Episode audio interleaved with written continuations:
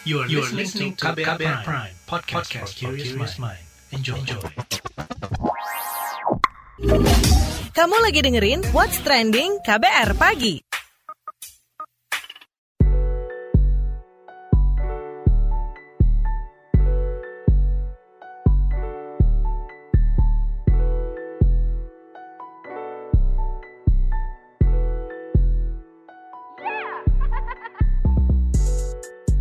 KBR Pagi, siaran pagi radio paling update. Selamat pagi, apa kabar Anda hari ini di hari Jumat 10 September 2021?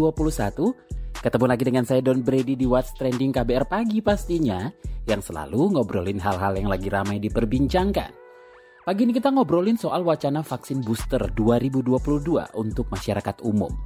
Nah, program booster vaksin COVID-19 di Indonesia mulai berjalan sejak 14 Juli 2021 yang dilakukan kepada kelompok tenaga kesehatan.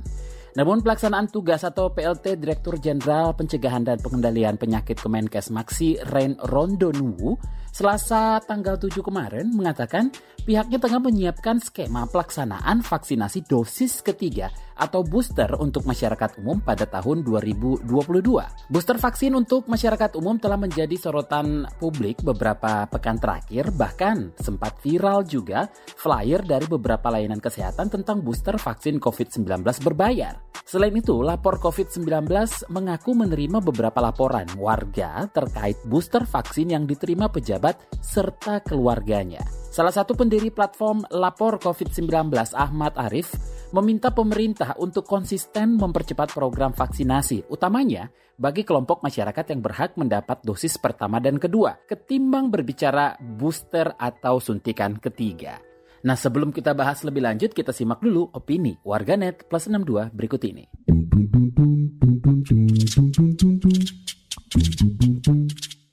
Komentar dari Ed Salsavior, pengen booster vaksin tapi Moderna atau Pfizer bisa nggak ya? Lalu komentar Ed Opna Femi, booster 500k, mending nggak usah booster deh, vaksin satu aja belum. Lalu Ed Aik underscore Arif, gini amatnya negara ini, ini undangan vaksin booster ketiga yang eksklusif dibocorin temen yang bukan nakes, tapi istri bekas pejabat yang kemudian jadi pengusaha, sementara masih banyak yang belum vaksin. Lalu komentar Ed Agus Item, kalau ditanya mau atau enggak bayar vaksin booster ketiga, ya maulah, tapi pemerataan vaksin untuk semua, menurut aku sih masalah etis, moral, dan tanggung jawab pemerintah semua negara di dunia ya, termasuk Indonesia. Ya itu dulu aja dilakuin, jangan lompat. Komentar at Bullfront, vaksin booster buat nakes dulu dong, mana vaksinasi buat lansia juga belum rata, gimana sih? Dan terakhir komentar at Lorong Bahagia, vaksin booster atau vaksin dosis ketiga itu nggak wajib, sama kayak imunisasi pada anak, ada yang namanya imunisasi dasar, ada yang booster, yang dasar udah dipastikan gratis oleh pemerintah. Kalau booster silakan ke klinik-klinik klinik swasta dan pastinya bayar, tapi nggak wajib. What's Trending KBR Pagi masih di What's Trending KBR Pagi dan kita masih lanjutin ngobrolin wacana vaksin booster 2022 untuk masyarakat umum. Nah, benarkah pemerintah sedang menyiapkan program booster vaksin COVID-19 untuk masyarakat umum? Bagaimana skemanya? Kita simak pemaparan pelaksana tugas atau PLT Direktur Jenderal Pencegahan dan Pengendalian Penyakit Kemenkes Maxirein Rondo Nu di hari Selasa 7 September kemarin. Saya juga baca bahwa memang Amerika sudah akan melakukan booster ya dosis ketiga, kita di Indonesia ini memang baru tenaga kesehatan karena kita memprioritaskan, memprioritaskan tenaga kesehatan itu lakukan booster karena mereka yang sering terpapar, terpapar dengan pasien-pasien yang apa, ada penularan COVID-19. Nah, bagaimana program kita ke depan? Kita program ke depan, kita tahun depan kita sudah membuat skema untuk melakukan booster. Tahun depan kita akan melakukan booster bagi yang sudah divaksin dosis 1 2 tapi yang belum divaksin ya karena umur 11 sampai baru di bawah 11 tahun akan beralih ke 12 tahun tentu itu akan menerima vaksin dosis 1 dan dosis 2. Skema ini sudah kami buat sekalipun memang pemerintah tentu tidak mampu ya melakukan pembayaran untuk semua penduduk seperti sekarang ini. Jadi kita akan prioritaskan terutama yang masuk kalau di BPJS itu yang penerima bantuan iuran berarti yang masyarakat miskin. Tapi jumlahnya cukup banyak ya, 100 juta itu akan kita prioritaskan program pemerintah untuk dilakukan poster. Dalam perkembangannya saya kira kita akan terus menyesuaikan dengan perkembangan ini karena memang WHO sebenarnya belum mengizinkan untuk melakukan booster bukan soal tidak boleh karena cara medis tetapi secara kesetaraan, kesetaraan itu masih banyak masyarakat dunia ini yang belum divaksin. Kalau mungkin dunia itu mungkin baru di bawah di bawah 10 persen yang sudah dapat vaksinasi. Penanganan pandemi ini kan nggak bisa. Sekalipun kita Amerika sudah selesai dosis 3 pun, tapi negara lain pun belum ada divaksin, itu kan masih mengkhawatirkan. Karena mobilitas sekarang cepat ya dari satu negara ke negara lain, saya kira penanganan pandemi secara keseluruhan dunia itu kita tidak mungkin negara itu merasa sudah aman kalau dia sudah melakukan selesai vaksin satu dua maupun booster itu saya kira tidak mungkin. Tidak menjadi jaminan negara itu masih aman. Oleh karena itu WHO tadi mengatakan dari sisi kesetaraan ya kalau bisa masyarakat divaksin dulu dosis satu dua so masyarakat dunia itu selesaikan demikian ya.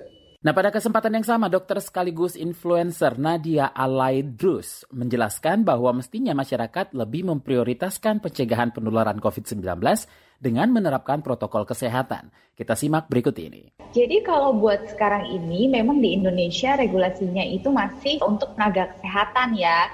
Dan sebenarnya kita jangan mikir-mikir lah, uh, aduh aku udah pengen cepet-cepet vaksin booster nih, vaksin booster. Padahal bahwa vaksin itu dia itu justru nomor dua. Nomor satunya adalah kita itu mencegah dulu gitu loh. Kalau kalau kita bisa mencegah, kita bisa mematuhi protokol kesehatan tanpa vaksin juga kita bisa untuk nggak ketularan gitu kan. Jadi makanya nggak usah memaksakan untuk nanti cepetan dong ada vaksin booster ketiga. Kenapa tenaga kesehatan yang didahulukan? Karena tenaga kesehatan itu kan memang dia adalah garda terdepan yang paling terrentan ya, paling berisiko tinggi untuk terpapar virus. Makanya dikasih booster ketiga. Nah, kalau misalnya nanti pemerintah akan uh, sudah membuka nih untuk masyarakat umum vaksin dosis ketiga, bolehlah kita vaksin. Tapi buat saat ini nggak perlu terlalu menggebu-gebu karena yang terpenting adalah justru kita tadi menjaga daya tahan tubuh, pola hidup yang sehat, dan juga mematuhi protokol kesehatan. Nah, salah satu pendiri platform Lapor COVID-19 Ahmad Arif mengingatkan bahwa booster vaksin ketiga aturannya jelas hanya untuk tenaga kesehatan karena dianggap tingkat paparan risikonya tinggi. Ia mendesak pemerintah menegaskan atau menegakkan aturan dan prinsip vaksin bagi kelompok yang berhak. Menurutnya, vaksinasi pada masyarakat lanjut usia atau lansia sebagai kelompok beresiko hingga masyarakat pedesaan yang terpencil perlu diprioritaskan. Ini dia penuturan ko-inisiator lapor COVID-19 Ahmad Arif saat konferensi pers 8 September yang lalu. Jadi banyak sekali pelapor juga yang menyampaikan mengenai kesulitan vaksin sebenarnya. Jadi kalau narasi yang dibangun oleh pemerintah kan seolah-olah masyarakat yang menolak vaksin. Ada memang seperti itu, tetapi sebenarnya yang terjadi adalah lebih banyak orang yang mau divaksin tapi vaksinnya yang tidak ada. Dan ini terjadi juga di banyak daerah. Kalau kita lihat data secara nasional juga, datanya eh, Kemenkes sendiri, ketimpangan terhadap vaksinasi ini juga luar biasa. Daerah-daerah seperti Lampung, Maluku Utara, Sumatera Barat, cakupan vaksinnya masih 12 persen, 14 persen, 16 persen misalnya, sementara di Jakarta sudah lebih dari 100 persen. Vaksin untuk lansia juga sangat kecil sekali cakupannya. Nah, di sisi lain, ini yang terakhir bahwa ketika aksesibilitas terhadap vaksin ini masih sangat sulit ya, laporan yang masuk kami cukup banyak mengenai ini, masyarakat yang kesulitan untuk mendaftar dan mendapat vaksin, Sisi lain adalah penggunaan booster atau vaksin ketiga gitu oleh para pejabat dan aparat gitu. Jadi hari ini aja tadi misalnya kami mendapat laporan adanya booster vaksin ketiga untuk keluarga. Ini untuk keluarganya pejabat ya dan aparat ya di salah satu perkantoran swasta di Jakarta ya di Jalan Sudirman gitu. Dan menariknya informasinya itu jangan disebarkan ke orang lain dan seterusnya. Ya. Jadi ada diam-diam adalah proses penggunaan vaksin dosis ketiga untuk kalangan elit yang ini di sisi lain masyarakat di luar Jawa di daerah sangat kesulitan sekali mendapatkan vaksin. Bahkan di Jawa sendiri juga masih sangat sulit. Ini beberapa laporan yang masuk ke kami mengenai penyimpangan penggunaan vaksin dosis ketiga ya, yang bahkan ada sebagian di antaranya melaporkan eh, penyuntikan itu dilakukan di Mabes misalnya dan seterusnya. Jadi ini menurut saya hal-hal yang harus ditindaklanjuti dengan sangat serius karena menyangkut persoalan moral ya dan ketimpangan apa eh, vaksin equity ini kan menjadi salah satu dasar yang sangat penting di kita penanganan kita. What's trending KBR pagi?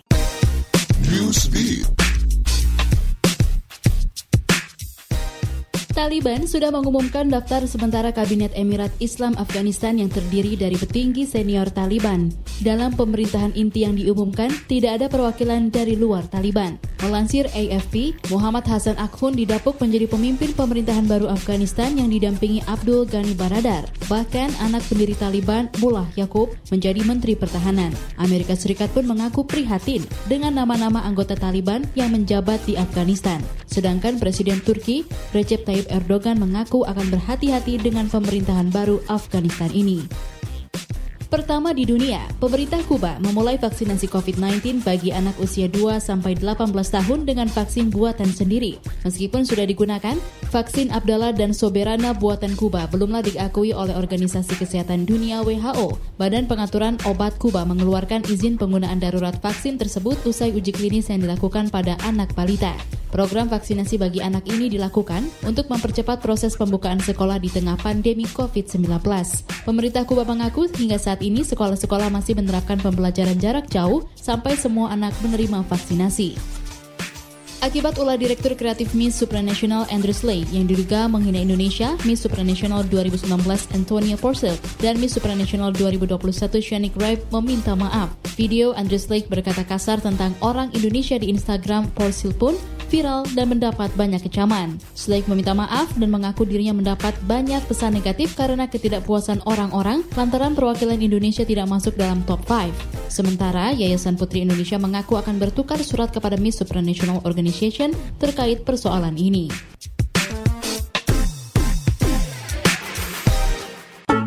What's Trending KBR Pagi. Masih bersama saya Don Brady di What's Trending KBR Pagi. Kita lanjutin ngobrol soal wacana vaksin booster 2022 pagi ini.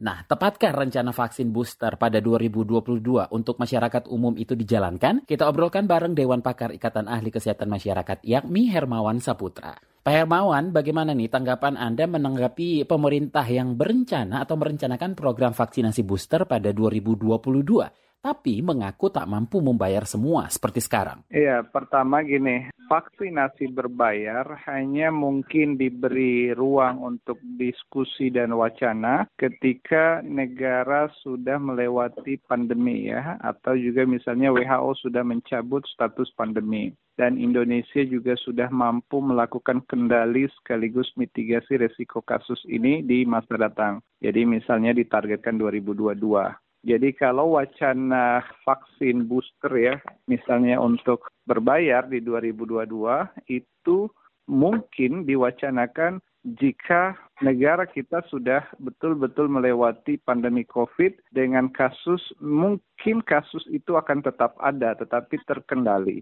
Nah itu bisa. Nah sama halnya dengan vaksin untuk imunisasi lengkap sejauh ini buat anak dan balita walaupun itu program nasional tapi terkadang ada yang diakses secara private ya oleh fasilitas tertentu dimungkinkan untuk diakses berbayar gitu ya. Nah, itu tetapi kalau kasus di kita itu tetap dalam kasus penularan yang tinggi, kasus yang endemiknya tetap di dalam situasi yang uh, belum terkendali. Nah, rasa-rasanya belum relevan kalau vaksin itu diperjualbelikan secara bebas gitu ya. Walaupun itu vaksin booster. Karena bagaimanapun vaksin booster ini kan juga bagian untuk tetap menjaga imunitas pada level titer maksimal yang memungkinkan secara community tetap terbentuk herd immunity begitu ya. Nah di tengah banyaknya varian COVID-19 yang disebut-sebut lebih kebal terhadap vaksin, sebenarnya seberapa besar urgensi booster vaksin booster ini? Memang vaksin itu kan secara definitif ya belum ada satu negara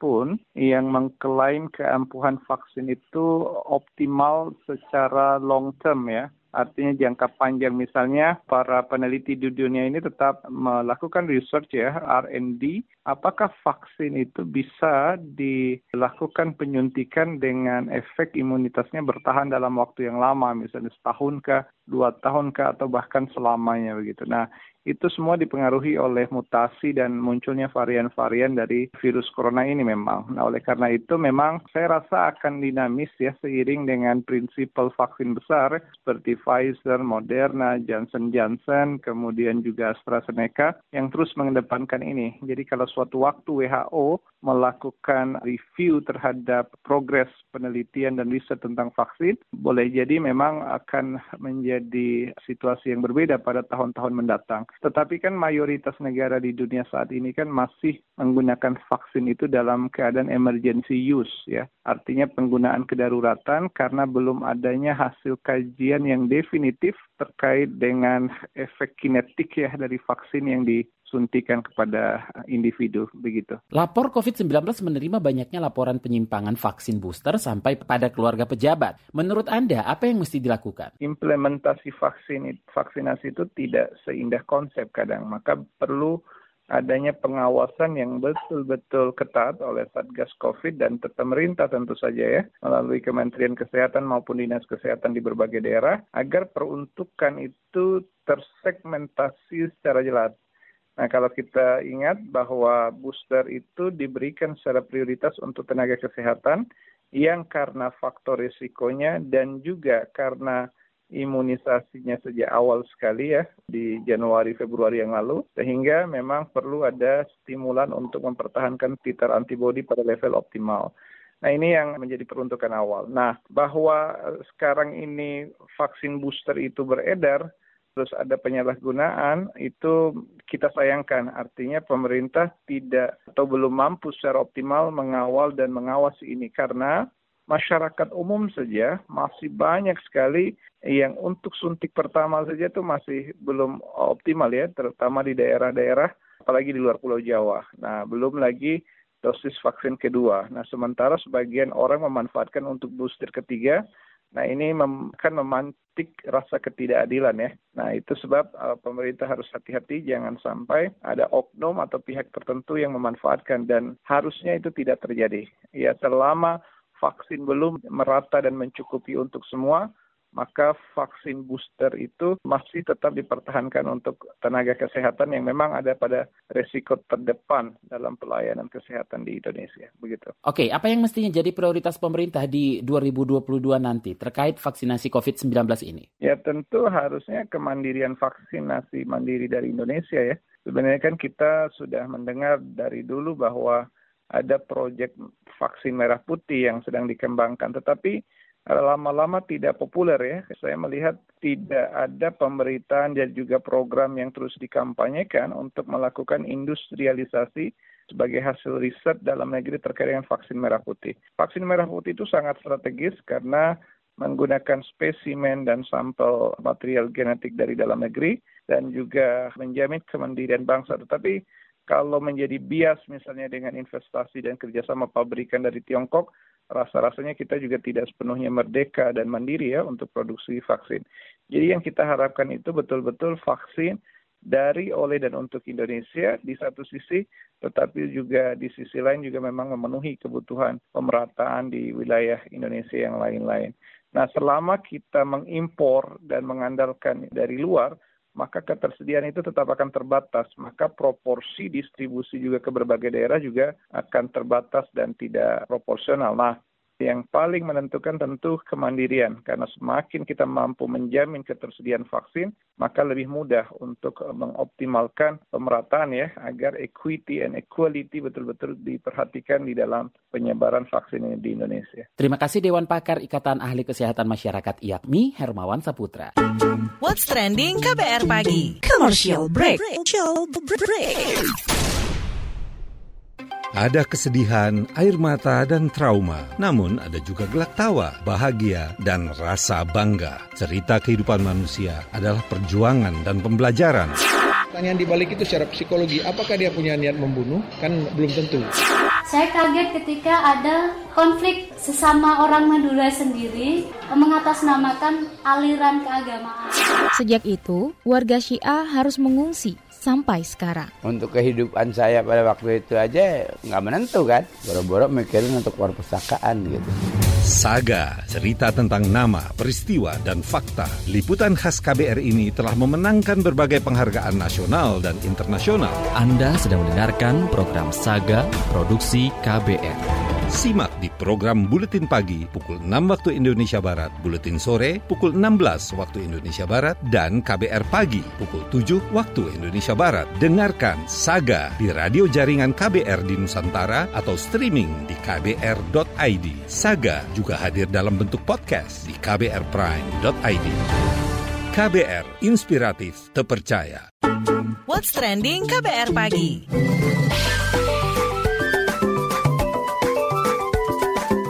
WhatsApp Indonesia. WhatsApp Indonesia dimulai dari Jakarta. Undang-Undang tentang Informasi dan Transaksi Elektronik UU ITE terus digunakan terduga pelaku mengkriminalisasi korban. Setelah Prita Mulyasari, Wisni Yeti, dan Baik Nuril, korban kali ini adalah MS, seorang pegawai di Komisi Penyiaran Indonesia KPI yang terancam dijerat Undang-Undang ITE oleh terduga pelaku pelecehan seksual terhadapnya. Kelompok masyarakat sipil pun mendesak pemerintah menyetop rentetan kriminalisasi korban oleh pelaku dengan merevisi pasal-pasal bermasalah dalam Undang-Undang ITE. Korban MS sebelumnya melaporkan kasus dugaan pelecehan seksual dari rekan kerjanya ke Komisi Nasional Hak Asasi Manusia dan kepolisian. Namun tidak ditanggapi kepolisian lantaran laporan MS kurang maksimal. Awal September ini, MS lantas membuat surat yang mengisahkan dugaan perundungan dan pelecehan seksual yang ia alami dari tujuh pegawai KPI untuk memperoleh keadilan. Berbagai permasalahan di sejumlah pasal di Undang-Undang ITE ini pun mendesak adanya revisi. Menurut Ketua Yayasan Lembaga Bantuan Hukum Indonesia YLBHI Asfinawati, Undang-Undang ITE bisa berdampak serius terhadap korban, seperti stigmatisasi masyarakat hingga intimidasi pelaku. Masih dari Jakarta, Direktur Utama PT Liga Indonesia Baru Ahmad Hadian Lukita mengklaim tidak ada kasus infeksi COVID-19 pada pekan pertama Liga 1 musim ini. Ahmad menyebut ada dua hal yang membuat tidak ada kasus positif COVID-19 menulari pemain, pelatih maupun ofisial, yaitu adanya pemeriksaan kesehatan yang ketat baik sebelum maupun sesudah pertandingan dan disiplin penerapan protokol kesehatan. Ahmad menyebutkan salah satu yang membuat kedisiplinan terjaga dengan baik adalah karena penggunaan aplikasi Peduli Lindungi. Aplikasi itu membuat pergerakan setiap orang termasuk pemain di Liga 1 terpantau oleh Kementerian Kesehatan. Laga pekan kedua Liga 1 dimulai Jumat hingga Minggu ini dengan menggelar 9 pertandingan. Di antaranya laga itu akan mempertemukan Persela kontra Persipura, Persik bentrok dengan Borneo FC, Persiraja melawan PS Sleman dan Barito Putra menjamu Bali United. Terakhir mampir Nusa Tenggara Barat, Presiden Joko Widodo memerintahkan pemerintah Provinsi Nusa Tenggara Barat segera mempercepat dan memperluas vaksinasi COVID-19. Presiden menginginkan adanya akselerasi seiring perhelatan World Superbike Mandalika Lombok yang akan digelar November nanti. Begitu juga dengan gelaran MotoGP di tahun depan. Jokowi berharap sebelum pelaksanaan dua ajang balap tingkat internasional digelar, target vaksinasi COVID-19 di seluruh NTB harus lebih dulu diselesaikan. Sementara itu, otoritas Pemprov NTB menyatakan siap mempercepat proses vaksinasi dengan target 15.000 dosis per hari. Tujuannya untuk mendukung pelaksanaan World Superbike Mandalika November nanti. Demikian WhatsApp Indonesia hari ini. Demikian KBR pagi hari ini. Jika Anda tertinggal siaran ini, Anda kembali bisa menyimaknya di podcast What's Trending yang ada di Spotify, kbrprime.id, dan di aplikasi mendengarkan podcast lainnya. Don't ready undur diri. Have a nice day. Have a nice weekend. Stay safe. Bye-bye. Terima kasih ya sudah dengerin What's Trending KBR Pagi. KBR Prime, cara asik mendengar berita. KBR Prime, podcast for curious mind.